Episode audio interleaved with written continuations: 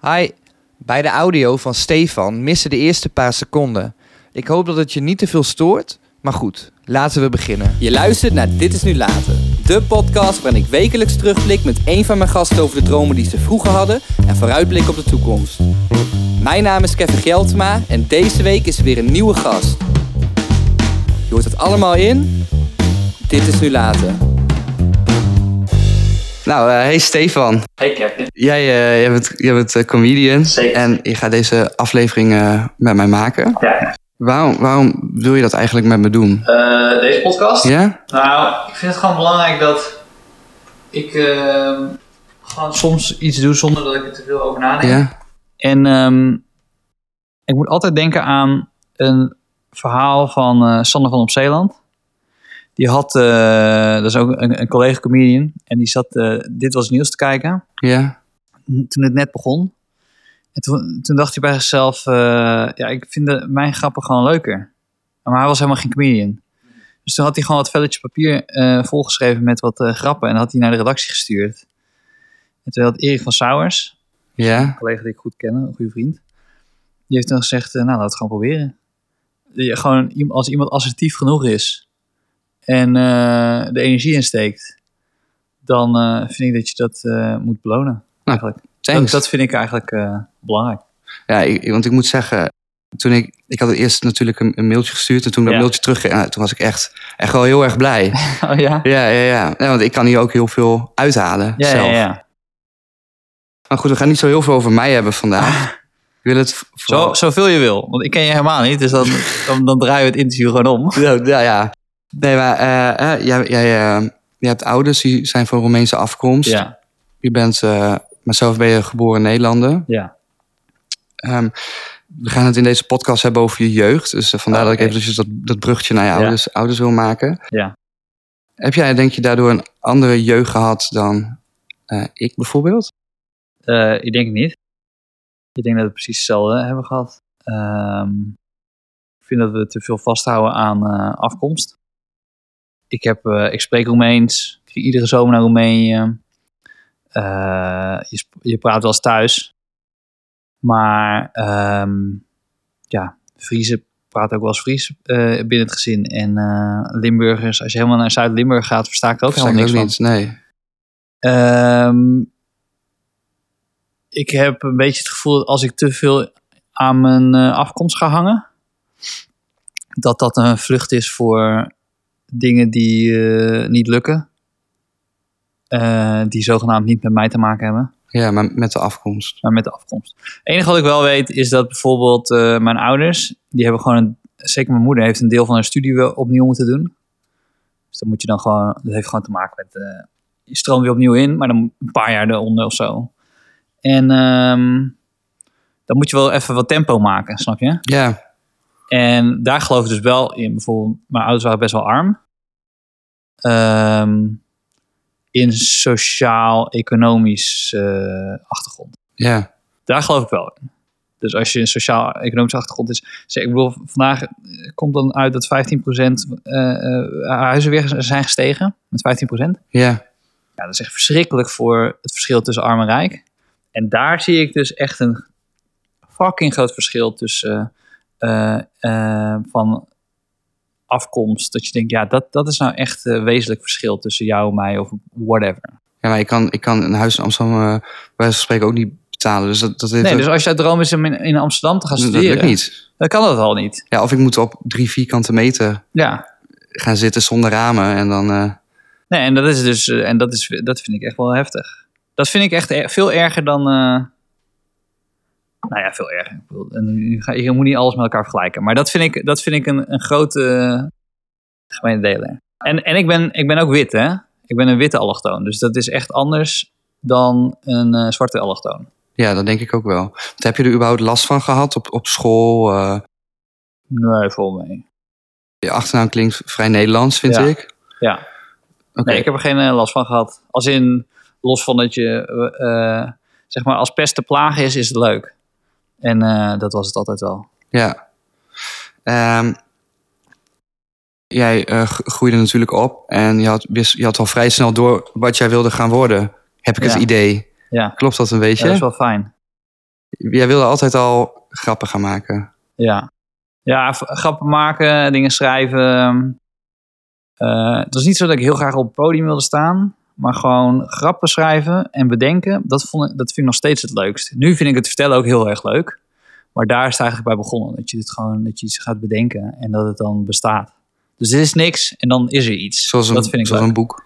een boek, of, maar ook een grapje. V- ik vond het heel fascinerend dat je dan een grapje kan maken, die je dan nog een keer kan maken. Dus ik kan hem tegen jou maken en dan kan ik hem verderop in het gesprek bij iemand anders kan ik hem ook maken. Dat soort dingen intrigeerden me heel erg toen ik jong was. Dus pakte ik bijvoorbeeld grappen van Theo Maas en dan veranderde ik het leidend voorwerp.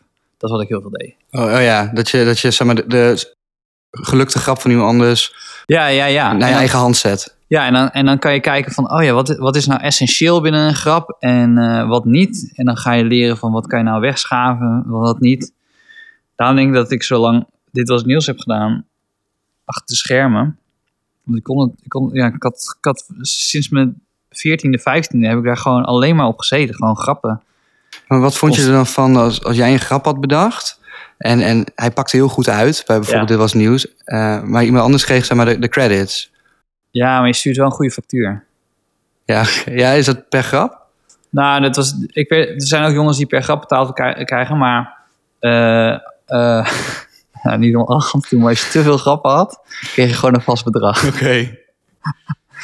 Nee, dus ik kreeg gewoon een vast bedrag. En eh, ja, daar kon ik gewoon lekker mee reizen en zo. Dus voor mensen die wel eens de podcast hebben geluisterd van mij en Ryan, je hoort best wel vaak dat ik veel reisverhalen heb, maar dat komt eigenlijk alleen maar omdat ik die stomme grapjes aan verzinnen was voor Dit Was Het Nieuws.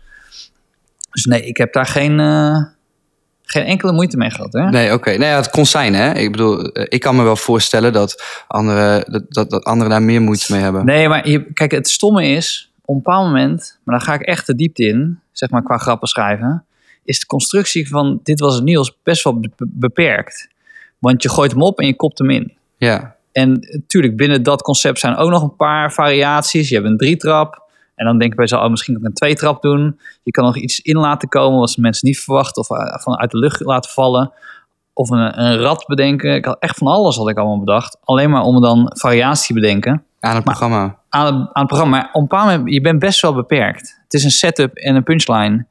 Dus daarom in, op het podium kan je na 10 minuten terugkomen op een grap die je eerder had gemaakt. En die constructies worden veel ingenieuzer, weet je. Die, die zijn veel interessanter. Ja. Ja, nou ja, ik, ik, ik, eh, ik merk het eigenlijk niet als ik televisie kijk.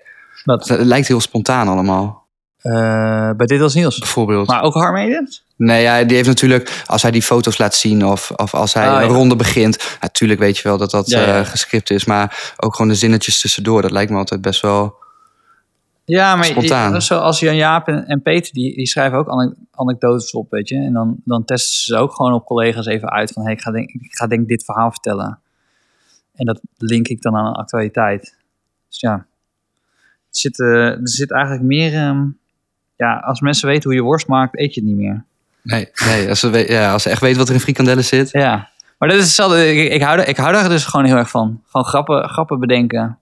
Dus toen rond je vijftiende, toen had je besloten om auditie te gaan bij, eh, aud- auditie te doen bij Toemler. Ik wist niet dat, dat er een auditie was. Het werd me uitgelegd na de, na de tweede keer dat ik hier had gespeeld. Toen zei Ronald Goedemond, wil je au- auditie doen? Mhm. Ik wist niet wat dat was. En toen zodoende. Maar dat ging niet precies zoals eh, als je hoopte dat het ging. De eerste keer? Ja. Eh, Toen je 15 was. nou, de, de- toen het 15 was, toen ging het dak eraf. Eh, eigenlijk, bij de auditie. Ik was echt 15. Ja. Dus ja, ze konden eigenlijk niet heel veel met me. En ik woonde dus in Rotterdam. Dus ik Schiedam, Rotterdam. Dus ik moest elke keer op en neer. En dan moest ik mijn ouders zover krijgen om me dan te rijden. Mhm. Dus dat was niet echt ideaal voor de club. Eh, en eh, toen, ehm, je had een trainingstraject. Dus dan deed je eh, dinsdag en woensdag was open podium vroeger. Ja. De tweede dagen. Dus ik mocht altijd spelen op dinsdag en woensdag. Dan kon ik dan gewoon aangeven wanneer ik dan kon. En dan kon ik komen. Dat heb ik een paar weken gedaan, een paar maanden gedaan. En ehm, toen, laat ik zo zeggen, toen, het verschil was best wel groot. Tussen zeg maar 30 spelen en dan zelf 15 zijn. Ja, nou ja, ja, en, dat snap ik. Ja, dat voelde niet, niet echt goed. Volgens mij heb je het zelf wel eens omschreven als... ik was eigenlijk net, net te eh, oud voor mijn leeftijd en te jong voor het publiek. Nou, nou eigenlijk voor, voor mijn collega's. Voor je collega's vooral. Vooral collega, pu- publiek vonden, vinden het gewoon hilarisch. Weet je, want die, die, die zitten eigenlijk bijna naar een freakshow te kijken. Ja. Want, eh, maar dus je ontwikkelt je, je ontwikkelt je niet echt goed. En, dat, en het zat er gewoon niet zo lekker. Het zat me gewoon niet zo lekker. En ik wil, de ruzies die ik heb gehad zijn met comedians die niet meer bij Comedy Train zitten. Dus eigenlijk toevallig is dat helemaal... Het, het, het, eh, het- het- maar het zat niet lekker. En eh, toen ben ik anderhalf, twee jaar niet gekomen. Misschien wel drie. En toen kwam ik terug op mijn achttiende. En toen werd ik aangenomen. Ja, en daarvoor... eh, ehm, was het ervoor dat je nog... Want je hebt ook nog gestudeerd. Een tijdje. Dat deed ik in het eerste jaar dat ik hierbij zat, deed ik dat erbij. Dus dan deed ik eh, dit en geneeskunde. Ja. En eh, hoe meer dit werd, eh, koos ik er dan voor... Ik heb ook nog een jaar in het buitenland gezeten om mijn 17e, 17, 18. Dus toen ik 18 was, 18, ja, toen 18 kwam ik weer terug. Toen ging ik, ja, ja, 18, 19 was ik hier. Maar dat is dan als je vanaf je vijftiende al bezig bent hè, om, om een, een naam op te bouwen. Of eh, ik weet niet of je er toen, toen zo mee bezig was. Of dat je het gewoon leuk vond. Ik had altijd contact nog met Micha Wertheim. Dus ik was er altijd nog wel mee bezig. Dus ik wist wel dat ik uh, weer, weer ging hoor. Soms moet je gewoon, soms moet je wat meemaken om wat te vertellen te hebben. En dat is wel, eh, dat is ook dat jaar, dat tussenjaar geweest. Dat is wel echt belangrijk voor me geweest. Toen ben je naar Zuid- Zuid-Amerika geweest, toch? Ja, en dan heb ik een half jaar in Madrid gewo- gewoond. Met welk doel ging je naar, naar bijvoorbeeld Zuid-Amerika toe? Waar, waar zat je? En- Nou, ik vind, eh, nou, dat, dat komt wel terug met, met zeg maar waarom ik ja zeg tegen een podcast. Ik heb altijd het gevoel gehad dat je, ja, je moet, als je iets wil meemaken, moet je de deur uit. En als je wat te vertellen hebt, dan moet je ook de deur uit, want je moet wat meemaken. Ja, Dus dat, dat, dat haakt allemaal op elkaar in. Ik heb het nu nog, dat ik gewoon, of ik nou deze podcast doe, of dat ik gewoon denk, ja, jezus, ik moet echt weer naar een museum. Ook al heb ik geen zin in of zo, of ik moet echt iets, dat soort dingen. is het dan, eh, om- omdat je dat dan wil, of ga je dan, dan daar naartoe met als doel, dan heb ik materiaal om over te schrijven? Of om, om dingen te Nee, nee, of- je moet niet, eh, je moet niet bewust gaan zoeken. Het, oh, je, moet, je, je moet het gewoon laten, je moet gewoon jezelf overkomen. Zeker als het een spontaan verhaal is. Maar je kan niet verwachten dat er iets gebeurt als je gewoon... Ken je, ken je die, eh, eh, de definitie van crazy? Gek? Ja, ja ze hebben ze ook, het was een Engelse line, is het van eh, craziness. cra- crazy is doing something twice and expecting a different result. Nee, die ken ik nog niet. Volgens mij is dat, ik weet niet precies of dat de zin was hoor, maar zeker, dus je, je doet hetzelfde en dan verwacht je een ander resultaat. Maar dat, dat, dat, dat is het juist wat je dus voor moet zijn. Ja. Als je een ander, als je een ander resultaat wil hebben, dan moet je daaraan werken. En Ja, en je moet gewoon wat anders gaan doen. Dus, ik- en, maar dat heb ik altijd gedaan. Dus ik heb altijd dus, of het nou, eh, eh, dus dat reizen voordat ik hier kwam. En toen kwam ik hier. En toen na een paar jaar dacht ik bij mezelf, nou, kijk of ik iets kan opbouwen in de Am- Amerika. Dus ben ik gewoon naar Amerika gegaan. En bedoel, dat is dus het voordeel van grappen schrijven achter de schermen. ja. Dan weet niemand dat je goed verdient. Maar dan kan je wel vette dingen doen. Kon, je, kon je dat ook combineren? Dat je, dat je thuis aan het schrijven was, of, of desnoods in Amerika aan het schrijven was en dat je dat dan doorstuurde? dat wel, ja. Ja? Ja. Dat lijkt me wel vet. Eh, ja, is wel vet. Ja, het is vet. Als in, ik heb er nooit naar gekeken dat het vet was, zeg maar. Dacht altijd bij mezelf, als het daar was, ik bij mezelf, oh ja, moet ik dat nog doen? ja? Het voelt een beetje als werk. Maar het is toch ook werk? Is ook werk, maar ja, dat is, ja. Goed, dus de- zo heb ik een beetje die keuzes gemaakt en zo wil ik het ook blijven maken. Nou ja, toen, toen kwam je dus terug, want je had eh, eh, nog in Madrid gewoond. Nou ja, daar heb ik dan, eh, toevallig had ik dat dan in de auto hier naartoe gehoord, eh, dat je daar naartoe ging om, om te studeren. Ja. Nou ja, je moet wel een reden hebben natuurlijk. Om dan, je kan niet zomaar naar Madrid. Wat was de reden om naar, naar Amerika te gaan dan? Dus voor stand-up toen, toen ik eh 21 was zo. Eén- ik was 21, 22. Nou, de reden was dat ik, ik had een cv-ketel gekocht. En eh, dat vond ik zo dom. Omdat ik 22 was en had ik een cv-ketel gekocht. Toen dacht ik, dit is echt niet cool. En eh, toen had ik eh, gewoon gedacht, oké, wat, kan, wat kan ik nou doen wat, wat me tof lijkt? Toen dacht ik, nou, ik kan naar San Francisco en LA. Ik wil niet meteen naar LA. omdat je, je hebt optreedminuten nodig. Ja, Dat wist ik wel van de scene. En dan kan je beter bijvoorbeeld naar Chicago, Boston of San Francisco. om vervolgens naar LA of New York te gaan. Ja, Je, het is eh, niet zo handig om meteen naar. nee. Dus eh, dat had ik toen bedacht. En toen had ik San Francisco gekozen omdat ik dacht dat is lekkerder weer. En eh, ja, dat was de reden. ja, Ja, dat is ook een goede reden. ja. En toen ben ik dat gaan doen. Ja. Toen kwam je terug in Nederland en toen pakte je het hier in Nederland een beetje op. Ben je eh, meer ook hier in Toemelen gaan spelen? Nee, toen ik speelde, daarvoor speelde ik heel veel in Toemelen. Hè. Ik heb ook nog toneelschool gedaan, net voordat ik wegging eh, naar, naar San Francisco. Ik speelde heel veel. Alleen, ehm, ja, weet ik veel, het, wo- het wordt hetzelfde rondje elke keer. Weet je, ik, had dan, ik had al drie, vier jaar, had ik gewoon de hele tijd Toemelen gespeeld. Ja, Dat had ik toneelschool gedaan, dat was een leuke eh, afwisseling. Maar ja, ik wilde gewoon echt out of the box. Dat, eh, Dus toen kwam ik terug, toen ben ik weer gaan spelen. En toen had ik dus, wilde ik, dacht ik, ga nu solo. Dus toen schreef ik me meteen in voor een cabaretfestival. dat, dat Leidse Cabaret Festival. Ja, dat was de trigger. Van, ik was in Amerika en toen dacht ik, ja, fuck it. Ik ga niet meer wachten. Ik ga nu gewoon... En toen ben je, was dat het jaar dat je tweede bent geworden? Ja.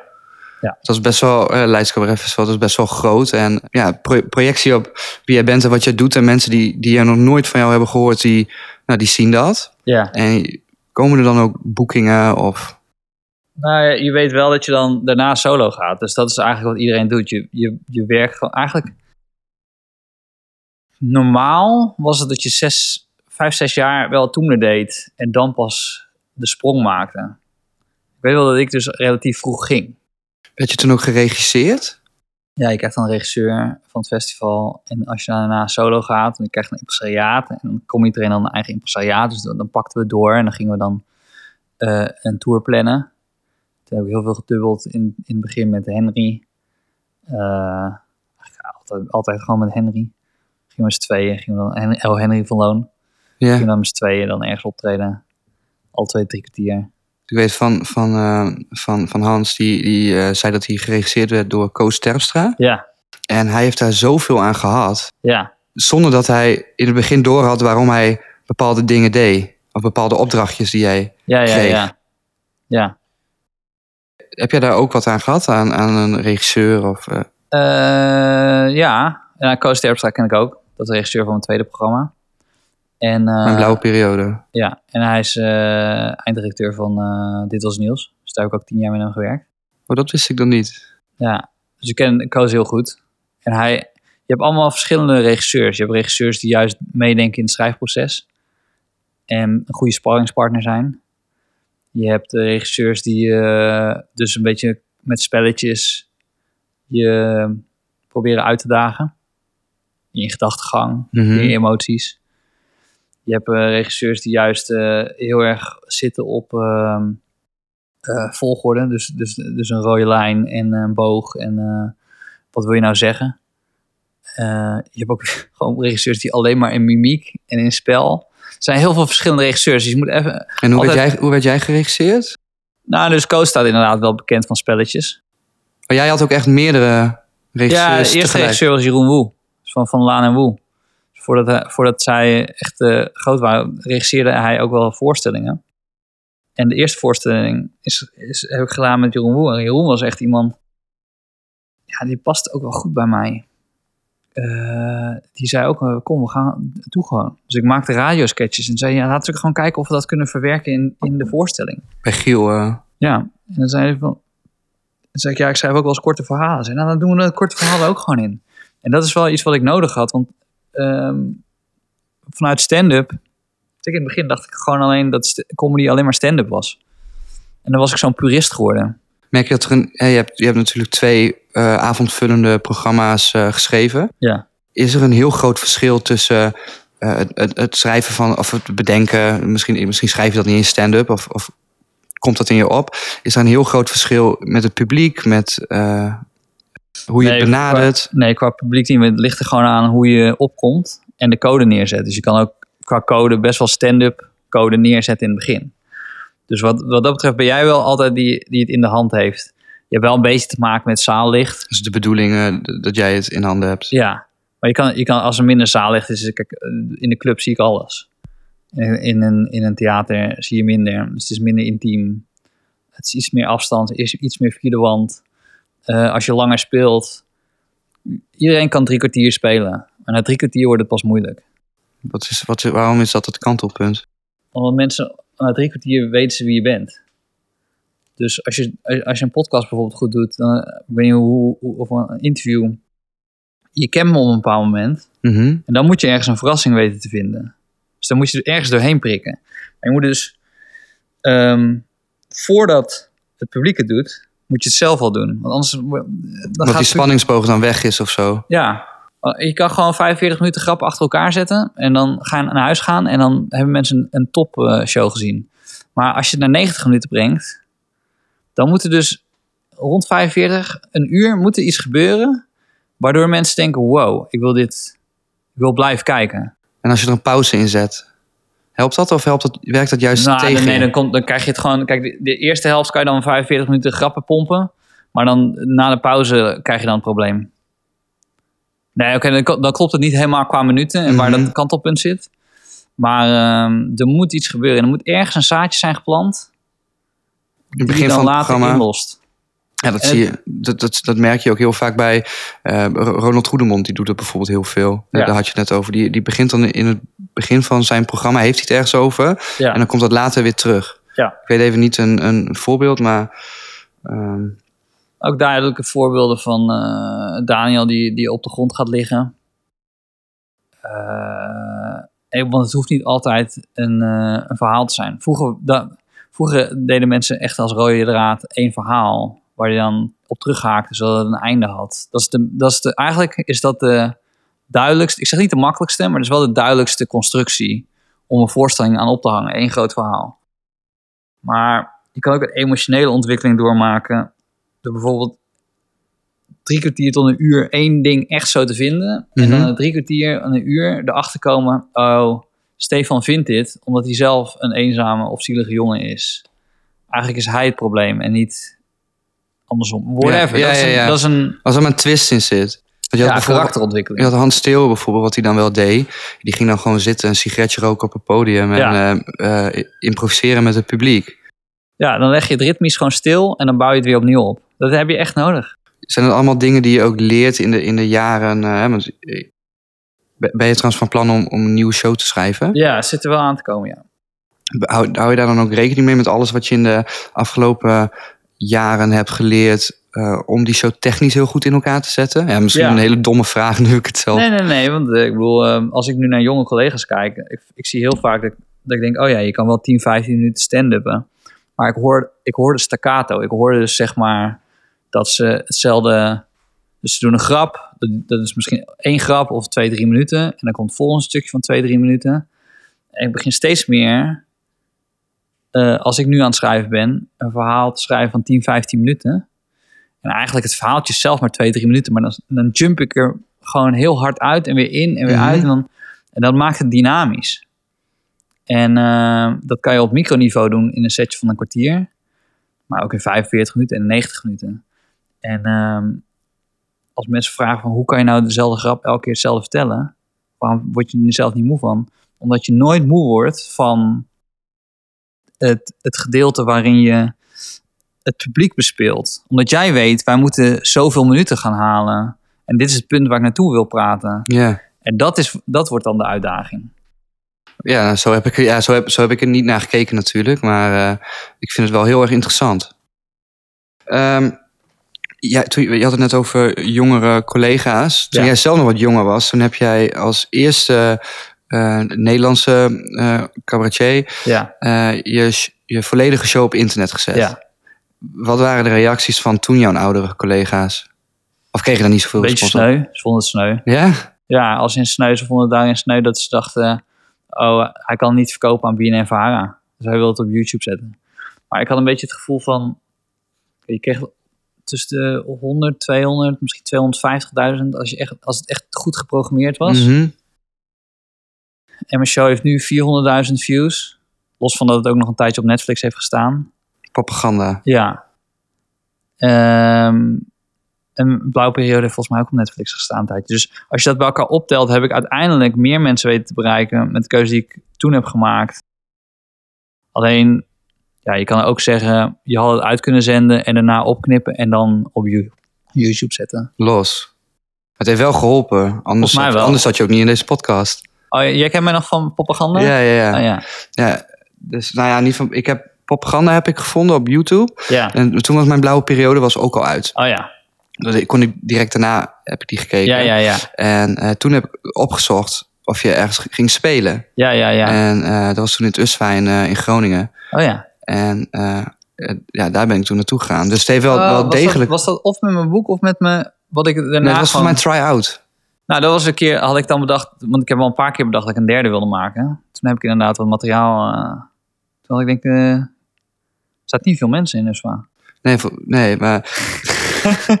het is ook een heel klein theater. Ja, dat was net voor clickbait. Dat weet ik nog wel. En toen kreeg ik clickbait. Ik wilde Eh, eigenlijk, 2016 of zo. ja, ik wilde, ik wilde het derde, derde programma gaan maken. En toen viel clickbait. En eh, nou, dat heb- ja, toen heb ik alle ballen op clickbait gegooid natuurlijk.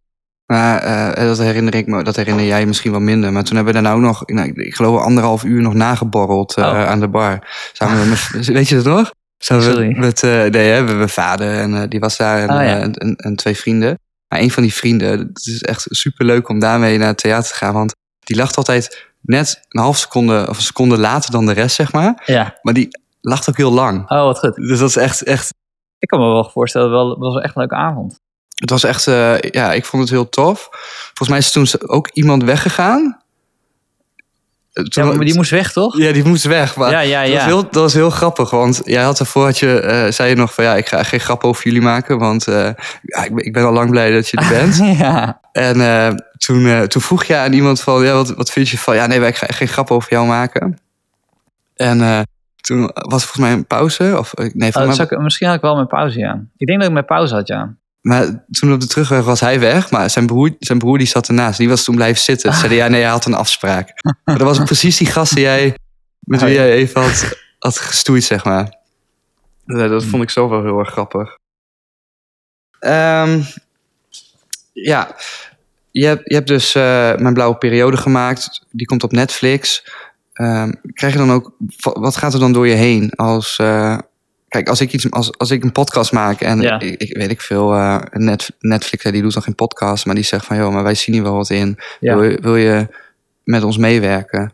Nou, dat doet toch wel wat met je lijkt. Eh, ja, maar dat... ehm, ehm, probeer even terug te halen wat dat toen voor mij betekende. Want toen zeiden mensen ook van... eh, de tweede kwam juist op Netflix en YouTube. Eh, als ik me goed herinner. Toen had ik hetzelfde eigenlijk. Dat mensen zeiden van... Waarom, je wordt helemaal niet eens uitgezonden bij BNN Vara. Dat was eigenlijk gewoon... Dat is zo lang gewoon het streven geweest van mensen. Mhm. Toen heb ik een interview gegeven in de Volkskrant. Dat ik zei dat ik Netflix echt als doel had. Dus ik wist wel dat ik daar, daar wilde ik op zitten. Ja, Ehm, dus het betekende wel voor mij iets. Alleen Netflix moet je wel zien in... Netflix bestond echt maar twee, drie maanden pas, hè? Dus het was niet zo als dat het nu is dat mensen het echt hadden.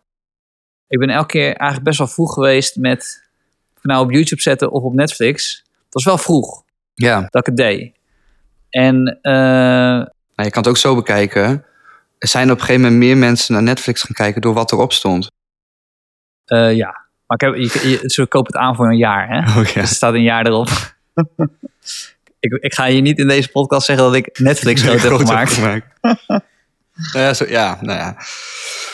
Maar wat ik dus nou ook nog even naartoe wilde is eh, clickbait. Ja, Dat, dat is iets wat jij mee hebt opgezet. nou... Kijk, ik zal eerlijk bekennen dat ik na de tweede show... Wat ik, wat ik had geleerd van mijn show online zetten... en de tweede eigenlijk ook... is regelmaat. En 24 seconden met had ik gedaan. En toen merkte ik, oh ja, wacht even. Als je op maandag iets post, op dinsdag, op woensdag, op donderdag, op vrijdag... dan gaat het mensen wat opvallen. Mhm. Het werkt helemaal niet als ik Dan gaan ze ik- wachten. ja, gaan ze wel. Dus mijn boek kwam toen ook uit. Dus ik had helemaal. Dus dit was mijn gedachte. Ik kom op Netflix met eh, mijn blauwe periode. Ik gooi het op YouTube. En ik breng een boek uit. En 24 seconden met. Dat zat in dezelfde maand zo'n beetje. Dus toen dacht ik bij mezelf, nou, dat, dat moet dan een soort van bom zijn. Maar wat mij, dat, toen heeft het mij gewoon geleerd, nee, je moet het, je moet het fragmentarisch brengen. Want die regelmaat zorgt ervoor dat je elke keer weer boven komt drijven. En ehm, dat 24 seconden met heeft me dat geleerd. Toen dacht ik, ik wil dat gewoon meer maken. Ik wil gewoon meer maken dat ik bovenop de actualiteit zit. In een andere vorm dan... Maar toen, maakte, toen deed ik al 10, 12 jaar comedy. Hè? Mhm. Dus ik wilde iets anders doen. Eh, en, het, en, het, en het acteren ging me eigenlijk beter af dan dat ik eh, had gedacht. Ja. Ik had gedacht dat ik niet kon acteren. Ehm, Ja, dat is gewoon echt televisieproductie. ja, en maar toen dacht ik, ja, fuck it, ik ga het gewoon proberen. Dus dan had ik het geproduceerd. Dus ik heb met een productiehuis, ik heb de helft van het geld ingelegd, zij de helft van het geld. En ik had teksten bij gevraagd eerst, toen Alex. Dan hadden we scènes geschreven. En tijdens de, de rollen die we zochten, vonden we toen Eva en Kees. Mhm. En eh, wij, wat wij allemaal in gemeen hebben, Tex, Alex, Eva, Kees en ik, is dat we allemaal werden niet zo heel serieus genomen door vakgenoten. Mhm. Dus ik was die, gewoon die gozer die elke keer wat deed. Waar mensen dachten van, oké, waarom gaat hij dat nou? Waarom gaat hij eens een boek schrijven? Hij was net lekker bezig met zijn theaterprogramma. Waarom gaat hij het op YouTube zetten? Want hij kan het gewoon aan Vara verkopen. Ik was gevraagd door de wereld door om daar te gaan stand-up. Ik, was, ik maakte hele rare keuzes elke keer. Kees kwam nergens aan de bak. Is ook tweede geworden op een festival. Of nee, niet eens tweede. Kwam niet eens in de finale. Eh, Kees van Amstel. ja. Alex Ploeg die deed al, al jaren stand-up comedy, maar die, die, de, de, dat Kwam kwam niet maar van niet de van de grond? grond. Eva heeft serieus, die heeft, die ook echt een prachtig verhaal hoor. Die deed eh, animatiewerk op Schiphol. Dus als je op vakantie ging, maakte zij grappen langs de rij. Oh, echt? Ja, en Tex, die werd elke keer gezien als gewoon een stand-upper die, die matig was eigenlijk. Hij was niet, was niet een hele goede... eh, Je kon hem, het kon wel. Als hij eigenlijk was hij een hele goede schrijver. Ja. Dus dit, was eigenlijk, ik vroeg hem voor Lubach. En eh, dus wij vijven waren een beetje van, nou ja, kijk, zal wel. Wat, wat, wat, wat- Toen hadden we iets gemaakt, hebben we ingeleverd, toen kregen we ineens groen licht. En toen mochten we een tv-programma maken. En ehm, En wat ging er toen door je heen? dat is eigenlijk eh, mijn geluksmoment. Als je me vraagt van wat was een, een, een doorbraak, dat was dat moment. Toen had ik voor het eerst bewezen voor mezelf. Oké, ik kan zelf iets opbouwen. En ik voelde alles, dit is de kans. Dus daarom heb ik ook die derde show gewoon meteen aan mijn handen laten vallen. Mhm. Alles op clickbait gegooid. En, eh, en dat en het eerste seizoen was hakken over de sloot. Maar ik denk dat we met het tweede, tweede seizoen eigenlijk meteen uit het, gewoon precies op de sweet spot hebben geraakt. Toen wisten we wat we moesten doen. Want wij hoorden het in januari en moesten in april op zender. En ik kan je vertellen, productioneel is dat Dat is haast niet te doen, lijkt mij. haast niet te doen. nee. Dus dat wij een tweede seizoen kregen was echt... eh, ik bedoel, het eerste seizoen was niet slecht. Maar, eh, was, was prima. Maar als wij meer maanden tijd hadden gehad, dan was dat net zo goed als het tweede seizoen geweest. Maar eh, ik neem aan, het tweede seizoen dan hoef je niet meer de helft eigen inleg in te leggen. Nee, de pilot moet je geld inleggen. Oké, oké. Dus, eh, en als je het dan verkoopt, krijg je dat geld dan terug. Oké, nou, ja, nou ja, dan is het heel goed gegaan, lijkt Ja, me. dus je, dus een investering gewoon. eh. Maar het is wel tricky. Zeker, want ik heb ook wel eens pilots gedaan. En dat zat ook net voor, waarin ik dan 10, 15.000 euro verloor. En wilde ze het niet hebben, weet je. Had ik dan in geïnvesteerd en dat ligt nog steeds wel ergens op plank. Ja, dat is, dat is wel tricky. Zeker. Dat Maar veel, kan je, ook heel veel, kan je ook heel veel opleveren. Ja, ja oké, maar ja, het, het is niet dat ik eh zwom in het geld, hoor. Het Nee. is niet dat ik, maar goed. Ja, nou ja, laten we het daar ook niet te veel over hebben.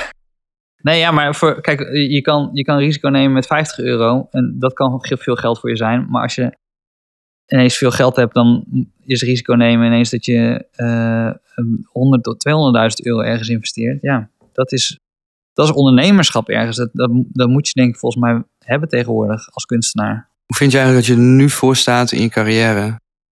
Ja, top. Ja?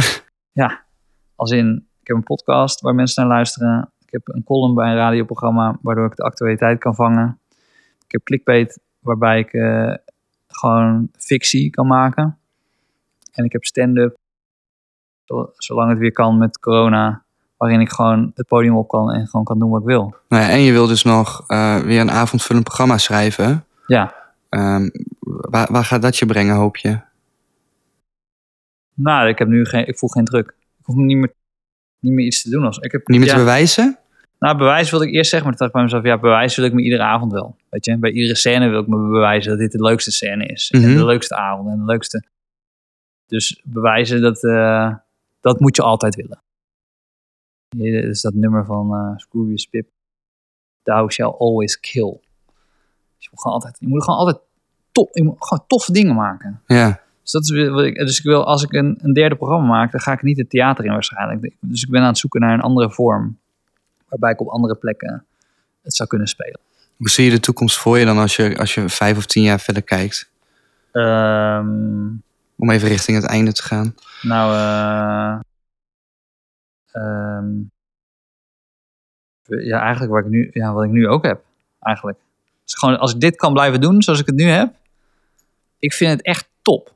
En ben ik echt serieus. Ja. dat ik eh, word herkend van werk. Waar ik, ik, want ik hoef helemaal niet op televisie met, met een praatprogramma. Daarom pitch ik ook zoveel op de NPO. Ik hoef ik- dus ik, ik wil gewoon alleen maar dat mensen me kennen van werk wat ik maak. ja. Ik hoef niet in spelletjes. Wat je zelf kiest of, om, of in eh, praatprogramma's. Ja, de slimste mensen heb je wel aan meegedaan. dat, ja, dat klopt. Dat klopt. Dat klopt. Maar eh, dat heeft ook weer, ja, Slimste mensen een andere denk fase. hè, Dat is een andere fase. Ja, maar slimste mensen denken ook een ander soort programma. Ja, denk misschien ook wel, maar het is meer. Ik ben, ik ben pas sinds een jaar of twee, drie echt onafhankelijk. Dus nu, het raakt me niet zoveel meer. Is dat, is dat, is dat, eh, is dat fijn? Of is dat juist... Fantastisch. Het is echt fantastisch. Dus dat je nu. Ik vind echt. Ik ben zo dankbaar dat het publiek me een beetje heeft kunnen vinden. En, en dat ik een beetje onder de radar ben, zodat het niet. Ik, ben niet, ik ben, ik vind het ook heel chill dat ik niet mainstream ben. En tegelijk spreek je best wel veel mensen aan met je filmpjes of zo. En dan. Ja, ik vind het ook wel fijn dat het niet. Nou, het, wordt, het wordt niet voor niks bekeken. Nee, nee, nee. We hebben, we hebben heel veel views. Maar goed. Nou, je hebt een leuk boek geschreven. Ja, Moet je nou eens horen. Ja. Die, eh, maar die kunnen ze niet bij bol.com kopen of zo. Als iemand Nee. denkt van dit wil ik wel... eh, Nee, nou, dat kon vroeger, maar nu niet meer. Nu, wil, nu heb ik het in eigen beheer. Dat is nou, als ik naar de toekomst kijk, daar kijk ik naar, naar de toekomst. Ik heb het gevoel dat we steeds meer in eigen beheer kunnen doen. Steeds meer, steeds meer zelf kunnen opzetten. Omdat de media dusdanig zichzelf aan het fragmentiseren is. Dat je, eh, als je een beetje goed inzet en goed oplet. En nu weet ik dus hoe je een YouTube kanaal moet runnen. Nu Mhm. weet ik hoe je een podcast moet runnen. En als je dat een beetje bij elkaar brengt dat en het publiek je weet te vinden en, je, en het publiek mij ook de mogelijkheid geeft om gewoon alleen maar dingen te doen die ik leuk vind. En als mensen gewoon maar merken dat ik niet eh, mezelf eh, een sell-out maak en gewoon met passie mijn vak blijf doen en er alles aan doe om het zo goed mogelijk te doen, dan gaan mensen alleen maar afhaken omdat, ze, omdat het niet hun smaak is. Ja. Nou, dat vind ik prima. ja.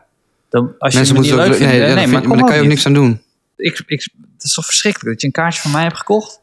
Zit je in een zaal en dan denk je na 10, 15 minuten, denk je, ah, het is niet, ik hou hier niet van. Wat ik erg zou vinden, als je na 10, 15 minuten zou, daar zou zitten en denk je, hij doet helemaal niet zijn best. Hij doet maar wat. Dan mag je me erop aanspreken, maar anders vind ik het net zo kut dat jij er bent als, als andersom. Ja. ja, daar heb je alle twee niks aan. Nee, Nou, ehm, ik maar ga- er is genoeg te vinden nu op internet om, om vooraf te bepalen of, of je denkt dat... Nou ja, dat ook. Dus eh, ga dat eerst even kijken voordat je kaartje koopt. Ja, en, en koop dit boek zou ik zeggen, want het is echt, eh, echt heel erg Nou, tof. top. Thanks. En bedankt Stefan, ik vond het eh, echt een leuk gesprek. Ik hoop dat jij dat natuurlijk ook vond. Ja. En eh, ja, bedankt. Cool.